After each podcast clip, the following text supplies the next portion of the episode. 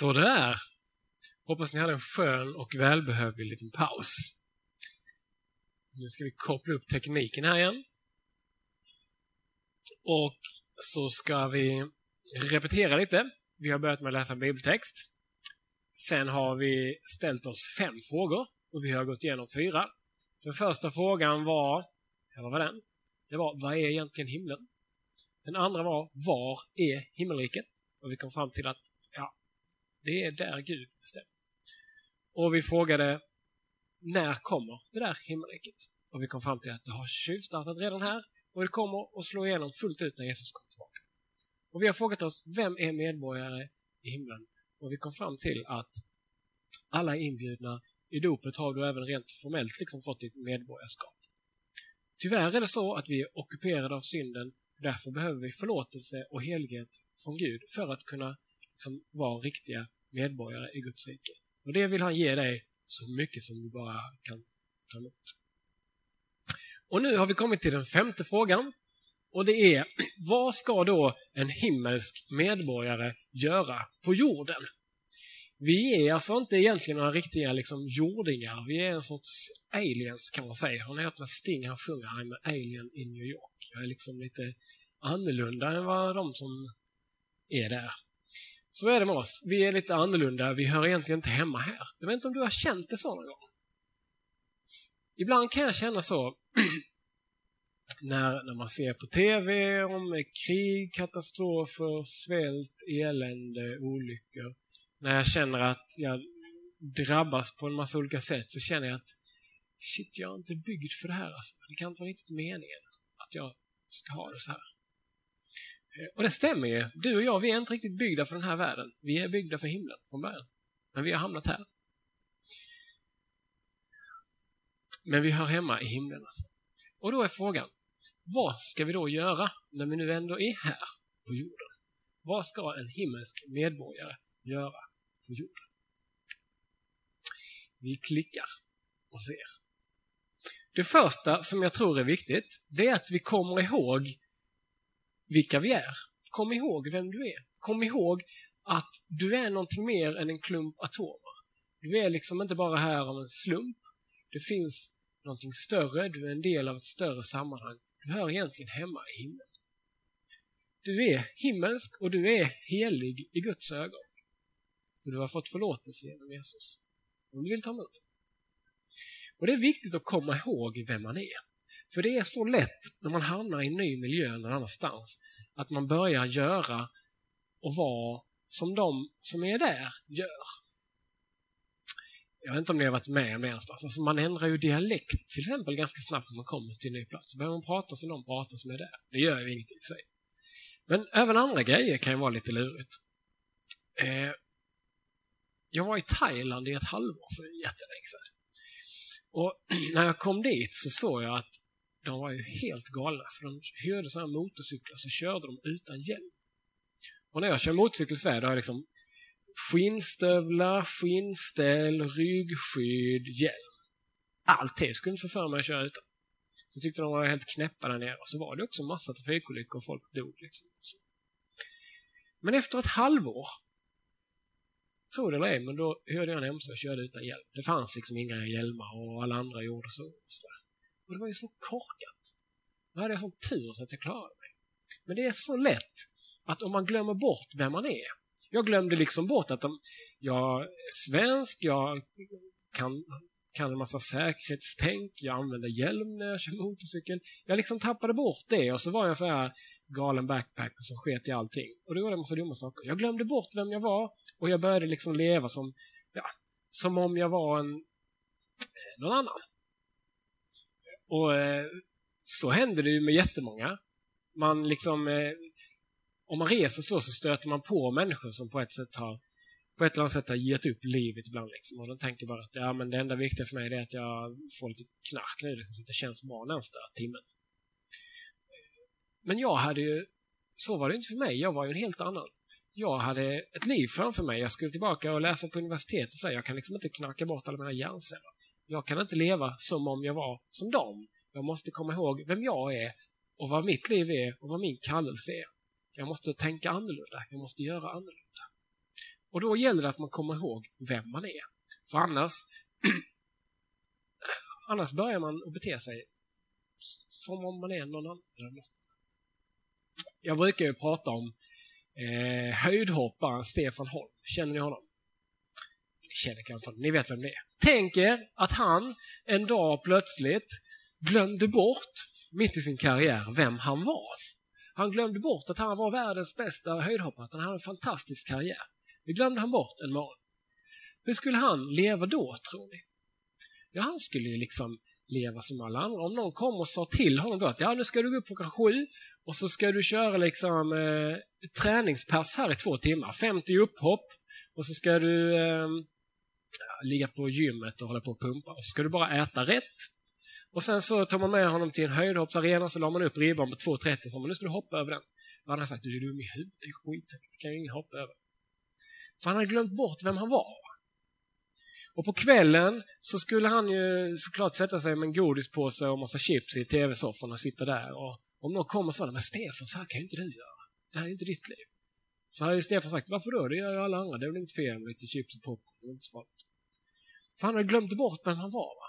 Men om han hade kommit ihåg vem han var, världens bästa höjdhoppare med en fantastisk karriär. Han hade gladeligen gått upp åtta på morgonen, kört stenhårda träningspass, ätit rätt. Han är inte rädd för ribban på 2,30 för han vet att han är världens bästa höjdhoppare. Och på kvällen så går han och lägger sig, även om hans kompisar tycker att han är tråkig och även om han liksom säkert längtar efter det andra ibland så tänker han att jag har ett annat mål. Det är inget fel med chips och popcorn och en kväll framför tvn, men jag har en annan kallelse i mitt liv. Jag har någonting annat, jag ska bli världens bästa höjdhoppare. Och allt det där hänger på om man kommer ihåg vem man är. Och därför är det så viktigt att du kommer ihåg vem du är.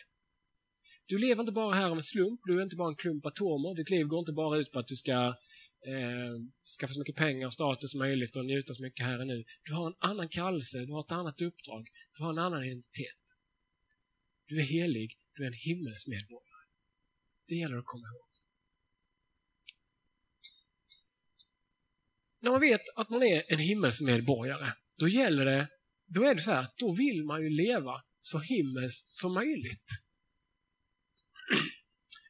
Om vi tänker oss att du och jag skulle hamna på en helt annan planet, där de lever på ett helt annat konstigt sätt, så skulle du och jag ändå, om vi kom ihåg att vi kom från den här jorden och var svenska, så skulle vi ändå vilja sova i säng och ha kanske ett demokratiskt system och alltså massa saker som vi tycker är bra. Så vill man ju försöka leva även om man råkar hamna någon annanstans. Och så är det med oss. Vi är himmelsmedborgare även om vi har råkat hamna här i den här ockuperade världen. Och därför vill vi försöka leva så himmelskt som möjligt. Det är det vi ska göra eftersom vi är himmelsmedborgare även om vi lever här på jorden. Och nu är det nog eh, lunchrast för de små eleverna annars. Men inte riktigt för oss än. Okej. Okay. Och det kan man göra. Eftersom himmelriket har tjuvstartat här så går det liksom att leva i alla fall lite himmelskt liv här också. Det handlar om till exempel att försöka leva i relation med Gud. För det gör man i himlen. Där lever man ansikte mot ansikte. Det kan vi inte riktigt göra här. Men vi kan försöka ha en relation med honom. Vi kan finnas där han möter oss i bibelläsningen, i bönen, i nattvarden, i gemenskapen med andra kristna. Där kan vi vara. Även om vi tycker att det är torftigt ibland, även om det är som att ha en kärleksrelation via brev eh, och det känns torrt och tråkigt. Ibland undrar man, är det egentligen någon som skriver, läser mina brev eller inte? Någon som hör mina böner eller inte? Det kan tyckas torrt och tråkigt, men vi vill leva så himmelskt som möjligt. Vi vill vara där vi kan möta Gud. I himlen så går det mycket ut på att vi tar emot allt gott som Gud ger oss och så tackar och prisar vi honom för det och är glada och tycker att livet är fantastiskt. Och så kan vi göra här också. Att vara kristen handlar inte om att liksom leva i någon evig eh, askes och, och förneka sig allt roligt och sätta sig i en bunker och försöka längta till himlen. Utan det handlar om att ta emot så mycket som möjligt av Guds goda gåvor redan här. Njut av allt som Gud ger dig. Han ger dig massor saker hela tiden. Och därför är det fantastiskt att vara människa. Och kom ihåg att tacka för dem. För när vi tackar så fattar vi att Gud är god. Alltså poängen med att Gud ger dig gåvor, det är inte bara att du ska få själva gåvan.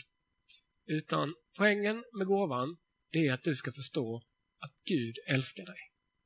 Och om du bara tar emot gåvan och, och struntar i Gud, då har du liksom missat större delen av poängen. Ehm, ja. Om jag till exempel ger min fru en blomma så kanske hon blir eh, glad för själva blomman. Men om hon skiter i och inte bryr sig om vem blomman kommer ifrån och sådär, då missar hon liksom budskapet till blomman. För jag, när jag ger min fru en blomma så är det inte bara för att hon ska få en blomma, utan det är för att jag vill säga jag älskar dig. Och förhoppningsvis så blir hon gladare av själva budskapet än av själva blomman. Och så är det med din och min relation till Gud också. När Gud ger dig någonting så är det inte bara för att du ska få det där eh, tv-spelet eller vad det nu är för någonting. Det kan inte vara så viktigt egentligen. Utan när Gud ger dig en massa gåvor så är det för att du ska förstå att han älskar dig. Och det kan göra oss lyckliga på djupet. Att förstå att Gud älskar oss, att han vill ge oss allt gott, att han är nära, att han bryr sig om oss. Så kom ihåg att ta emot allt gott i livet som gåvor från Gud. För det är det. Ja. Så, så långt verkar det ju rätt glassigt, eller hur? Va? Att vara en himmelsk medborgare på jorden. Ja, man bara glider runt och tar emot massa gåvor. Och på ett sätt så är det så. Det är ett perspektiv av livet. Men så är det också så, som vi sa, att vi är under ockupation. Och om man tillhör Guds rike, då är man liksom i strid med de här ockupanterna, kan man säga. Så att en annan aspekt av vårt liv är att det faktiskt innehåller ganska mycket kamp. Eh, Eh, att leva som medborgare i Guds rike, det innebär att kämpa för Guds rike.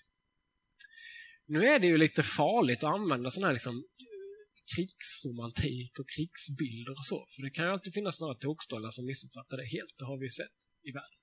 Men, men när jag säger att, att vi lever i en kamp, så, så är det ändå så att det gör vi.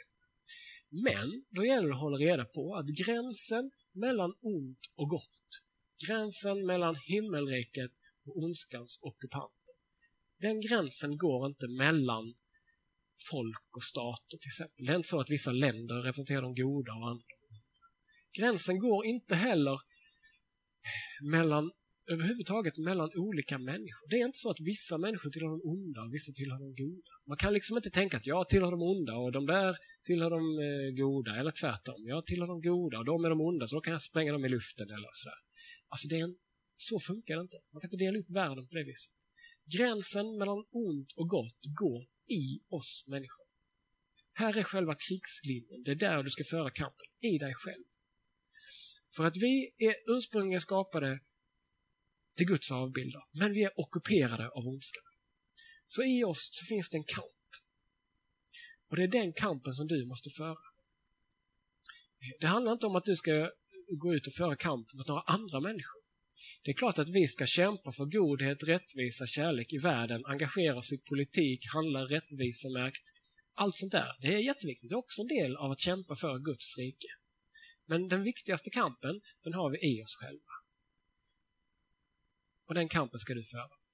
Och där är du chanslös om du inte söker hjälp av din helige vi kan förändra vårt yttre beteende lite. Man kan liksom skärpa sig, man kan försöka bete sig fromt och kristet och sådär.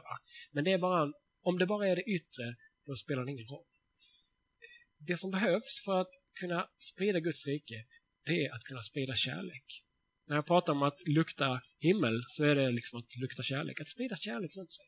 Och kärlek är inget som vi kan pumpa fram och tvinga fram hos oss själva. Det kan vi bara få.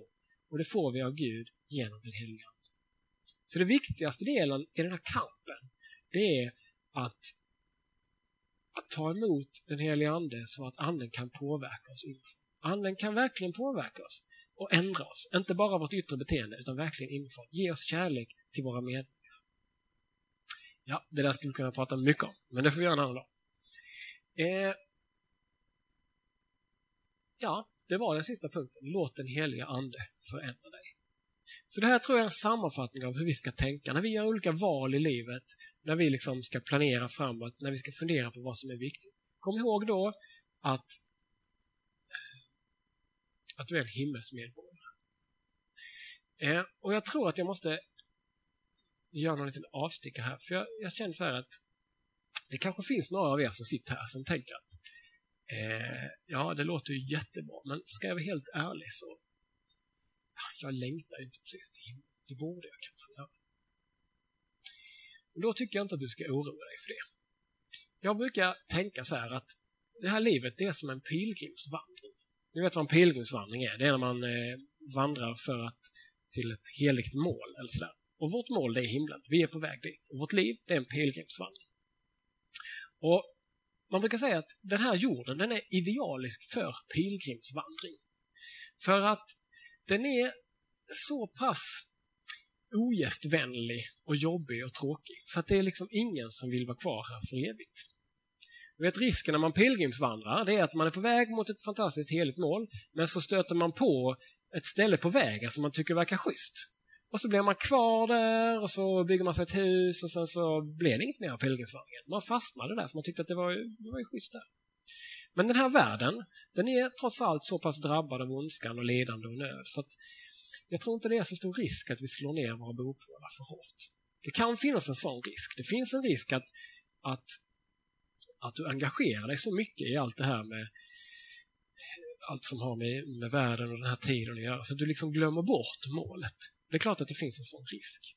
Men även om man är på pilgrimsvandring, även om man är på väg mot ett mål, så är det inte så konstigt, om man är ung i alla fall, att man tänker mer på kanske det som man ska vandra igenom imorgon. Och ja, imorgon ska vi gå igenom det här och då får vi se det berget. Och så. Det är inte så konstigt man tänker mer på det kanske än själva målet långt där borta. Så om jag var du så skulle jag inte oroa mig så mycket för det. Himmelslängtan kommer när det är dags för det. Och du kommer förmodligen i ditt liv att stöta på lidanden och svårigheter. Jag tänker att kanske många av er tänker att ja, men jag längtar kanske mest efter att spela fotboll i eftermiddag eller mm, ta studenten eller åka ut och resa eller göra karriär eller gifta mig eller få barn eller vad det nu är. Alla sådana här är ju liksom anhalter på vår pilgrimsvandring mot himlen. Och det är fantastiska saker och det är klart att vi ska längta efter dem. Men om du tror att hela lyckan eh, och allt gott finns i detta, i det här jordiska, då kommer du bli besviken. För att det är kanske så att du lyckades aldrig ta studenten eller du hittade ingen att gifta dig med eller du fick aldrig några barn. Eller så fick du både fru och barn men det visade sig att det var ju faktiskt mest jobb. Det var ju härligt också men det var ju liksom inte något. Det var ju ganska jobbigt. Så kan det också vara. Nu ler Jakob här framme. ja, hur som helst. Så att jag tror inte att det är så stor risk att vi slår ner våra bopålar för, för hårt här därför att livet visar oss att ja, men det är inte här som, som det är inte det här vi är gjorda för egentligen. Vi är på väg någon annanstans. Vi är på. Det finns också en risk att det sitter några här som tänker att jag längtar så oerhört till himlen för jag vill komma bort från det här livet. Ehm, det kan vara så. Det är inte så ovanligt. Ehm, jag vet inte vad du har fått se för baksidor och råkat ut för, för lidande i den här världen. Det kan vara ganska jobbiga saker, det kan vara sånt som ingen vet. Det kan vara så att när du ser din pilgrimsvandring framför dig så tänker du att det kanske är 30, 40, 50, 60 år till i värsta fall. Och så ser du det framför dig och så tycker du bara att det ser fruktansvärt jobbigt ut. Och du tänker, jag pallar inte. Jag klarar inte det. Det är för mycket lidande, det är för mycket elände. Jag vill inte vara med. då vill jag säga till dig att ja, så kan det kännas. Och på ett sätt så är det ju rätt. Du är inte byggd för den här världen. Och det finns så mycket lidande, det finns så mycket som är jobbigt och som du måste eh, försöka hantera och stå ut med. Men, även om det ser mörkt ut så finns det också mycket gott. Försök ändå att i livet hitta Guds små gåvor till dig. Fågeln som sjunger för dig när du går till skolan. Korvmackan när du är hungrig på morgonen i det här lilla så finns Guds kärlek till dig. Guds gåvor till dig och han visar du behöver inte vara rädd. Det ser mörkt ut. Det ser ut som en jättetuff vandring här på jorden. Men jag är med dig hela tiden. Jag kommer ge dig allt du behöver och du är på väg till. Ehm, och kom ihåg att du går inte ensam. Jesus går med dig hela vägen. Och han kommer ge dig kraft dag för dag. Om du tänker nu, shit, jag ska åka kanske 20 år till i den här världen. Det pallar jag aldrig. Nej, du har kanske inte kraft för 20 år idag, men idag har du kraft för idag. Och imorgon kommer du få kraft för imorgon. Så ta en dag i taget. Och prata med någon om det känns sådär. Om det känns som att jag pallar inte den här världen. Jag är hemma någon annanstans. Jag vill bort. Jag vill fly. Prata med någon om det. Det finns chans till samtal och det finns chans till förbön. Ja, det var en avstickare. Och nu ska vi läsa vår text igen, som vi började med. Och nu har vi den här bakgrunden, de här fem frågorna som vi har pratat om. Och så ska vi läsa texten igen. Och då kommer den här. Och då får man trycka flera gånger för att hela texten ska komma fram. Det här är en text, ser ni, som börjar med ett men. Men vi har. Och då undrar man ju sådär, vadå men? Jo, det betyder att det är i motsats till någonting. Och när man ska förstå en bibeltext, då är det nästan alltid så att man har nytta av att läsa det som stod precis innan. Och då kan det ju bli liksom ett evighetsperspektiv, för då måste man läsa det som var precis innan det för att förstå det. Måste man läsa det för, ja, och så ni vet. Men jag tycker alltid, jag blir alltid så intresserad av vad var det som stod innan. Och i synnerhet när det står så här men, då måste man ju nästan veta vad som stod innan. För det här är en kontrast till någonting. Så vi klickar fram det som stod innan också. Vi får se om det vill komma. Ja, fick vi bibelstället. Vi klickar igen, och igen, och igen. Ja, här kommer det som var innan. Alltihopa. Så vi klickar på. Och nu är det då alltså Filipperbrevet eh, från vers 18 till 21. Och så läser vi det från början. Och då skriver Paulus här. Vad jag ofta har sagt till er, det säger jag nu under tårar. Många lever som fiender till Kristi kors. De får sitt slut i fördärvet. De har buken till sin Gud och sätter sin ära i det som är deras skam. Dessa som bara tänker på jordiska. Men vi har vårt medborgarskap i himlen och därifrån väntar vi Herren Jesus Kristus frälsare. Han ska förvandla vår bräckliga kropp så att den blir lik den kropp han har i sin härlighet. Till han har makt att lägga allt under sig.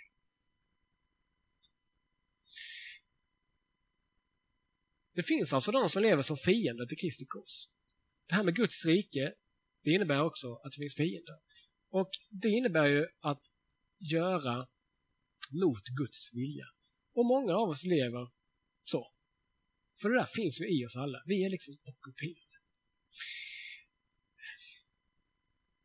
Och vad händer då?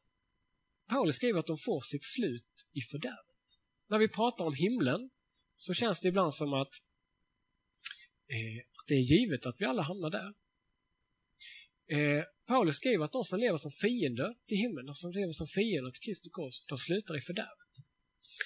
Jag vet inte vad fördärvet är. Jag tror kanske att det är lika svårt att förstå som himlen, att det är utanför vår fattningsförmåga. Men jag tycker inte att det verkar som ett himmelrike i alla fall, fördärvet. Hur reagerar då Paulus på detta? Tycker han att, tänker han så här att, ja de människor som lever så, de är fiender till oss, de ska vi bekämpa, de är dumma och onda. Nej, han säger detta under tårar. Han sörjer, han är ledsen. För han vet att det här är Guds älskade barn. Och så ska vi också leva och möta andra människor. Och vi tänker kanske så här ibland att ja, men det där som han gjorde nu, det var liksom verkligen i strid med Guds rike. Det var inte som Gud hade tänkt, det var synd. Då ska vi inte tänka det där är en fiende, den ska vi bekämpa. Utan vi ska tänka, reagera med sorg. Därför att det betyder att Guds älskade barn har liksom inte riktigt förstått att han är medborgare i himlen. Det tror jag är en mer, mer sund reaktion. Nästa sak som står här, de har buken till sin Gud, det låter ju nästan som, eh, det låter lite konstigt. Vad betyder det egentligen? Ja, jag tror att det betyder att istället för att ha Gud som Gud så har man sina egna behov, sina egna, Eh, det som man själv tycker är bra, skönt och bekvämt, som sin Gud. Och mycket av det här behöver inte vara fel. Alltså, att ha buken till sin Gud, det handlar inte så mycket om att vara överviktig och så. Det har inget med det att göra.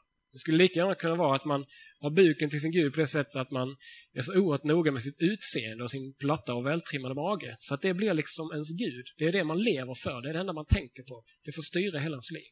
Då har det blivit ens Gud. Och det är inte meningen. Och på samma sätt så kan jättemycket av sånt som kanske egentligen är Guds goda och bra gåvor, det kan bli vår Gud. Så att vi liksom lever för det. Och då har det blivit fel. Då har det blivit synd. Det var synd. Och Paulus säger att, då, att det finns människor som har alla de här behoven som sina gudar. Istället för att ha dem som goda gåvor från Gud så har man det som en gud. Eh, och det kan till och med bli så att man sätter sin ära i det som är ens skam. Vad skulle det kunna vara? Jag har mött människor som till exempel skryter över hur mycket de har lurat andra på pengar. Då har man kanske pengar som sin gud och man vill roffa åt sig så mycket som möjligt. Eh, och man borde ju skämmas om man har lurat andra på pengar, men istället så skryter man om det. Om man tänker att Gud har gett oss sexualiteten som alltså en fantastiskt god gåva. Och Guds gåva med den poäng liksom är att vi ska kunna visa vår kärlek till en annan människa. Eh, och så använder vi sexualiteten på ett annat sätt. Vi använder det för att eh, skaffa makt och status eller för att eh, trycka ner någon eller för, som, ett, som en misshandel eller vad som helst. Då har det ju blivit fel, då har det blivit synd. Då har det inte blivit som Gud tänkte. Och så kan det hända att man till och med skryter om det i omklädningsrummet sen på fotbollsträning. Ja, då, har, då är det detta som Paulus pratar om. Då har man hamnat där. Då har, sätter man sin ära i det som är ens skam, egentligen. Och felet som har hänt då är att man bara tänker på det jordiska. Man tänker bara på det här jordiska. Man tänker inte på att man är på väg någon annanstans, på att vi är en del av himmelriket, att vi ska leva så himmelskt som möjligt. Och så säger då Paulus som en kontrast, men vi har vårt medborgarskap i himlen. Vi vet att det är något annat som är viktigt i livet, att vi är på väg någon annanstans. Och därifrån väntar vi Herren Jesus Kristus som frälsare. Och det har vi pratat om. Vi vet att Jesus ska komma tillbaka, att himmelriket ska slå in fullständigt här på jorden. Vi vet inte riktigt när, men vi vet att det är snart. Och han ska förvandla vår bräckliga kropp. Som vi sa, himmelriket är liksom inte bara en plats som man åker till. Himmelriket förvandlar oss. Och så säger Paulus att han ska förvandla vår bräckliga kropp. Jag vet inte hur det är med er, men när jag var 16 i alla fall så tyckte jag att jag var starkast i världen och odödlig. Jag kunde göra vad som helst. Men efterhand som man blir äldre så upptäcker man att kroppen är lite bräcklig. Och förr eller senare så kommer den ta slut, så att säga, och dö. Men han kommer förvandla vår bräckliga kropp så att den blir som Jesus. Och det här handlar inte bara om kroppen, så att säga, rent fysiskt. Det handlar om att bli förvandlade som människor. Att bli mer himmelska, att bli mer som Jesus är. Det kan man längta efter. Om man har tagit den här kampen mot synden på allvar eh, så märker man ofta att det går åt skogen. Det går inte så bra. Och då kan man längta efter att Jesus ska liksom komma och låta Guds riket slå in och förändra mig helt och hållet.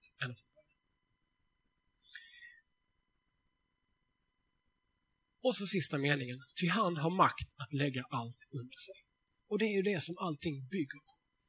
Att det faktiskt är Jesus som har makt. Att det faktiskt är han som är kung. Att det bara är en tidsfråga innan Guds rike kommer att slå in och ta över helt och hållet. Det kan se mörkt ut. Det kan kännas som och verka som att den onda ockupationen ska segra. Både i världen, när man ser på nyheterna, i vårt land kanske, kanske till och med i vår kyrka och vår församling kan man ibland känna att shit, det ser ut som att onda ockupanterna kommer vinna allting. Och i mitt eget liv kan det ibland kännas som att ondskan vinner hela tiden. Men då är vårt hopp. Jesus har makten. Det är sant. Han har makten. Han är starkast. Det kan se mörkt ut, men han har makt att lägga allt under sig. Och det kommer han göra och han är en fantastisk kung. Vi ber tillsammans. Herre, tack för den här stunden. Tack för det här bibelordet som vi har fått av dig. Tack för att vi är på väg till himlen om vi vill. Tack för att du är på väg hit för att rädda oss. Vi ber att vi ska få komma ihåg vilka vi är, att vi är dina barn, att vi är medborgare i himlen, att vi är heliga i dina ögon. Och vi ber om hjälp att leva mer och mer så. Vi ber att få lykta lite himmel. Vi ber att vi ska få ta emot din kärlek, din helighet. Vi ber att du hjälper oss när vi glömmer bort målet, när vi fokuserar för mycket på allt det tillfälliga som är här. Och vi ber om förlåtelse när vi bara använder dina gåvor för vårt eget bästa och när vi glömmer bort att de är från dig. Vi ber om stöd och kraft och hjälp till den som tycker att allt ser mörkt ut. Och vi ber om tro att kunna hålla fast vid hoppet att du har all makt. Att du kommer ställa allt till rätta. Jesu namn.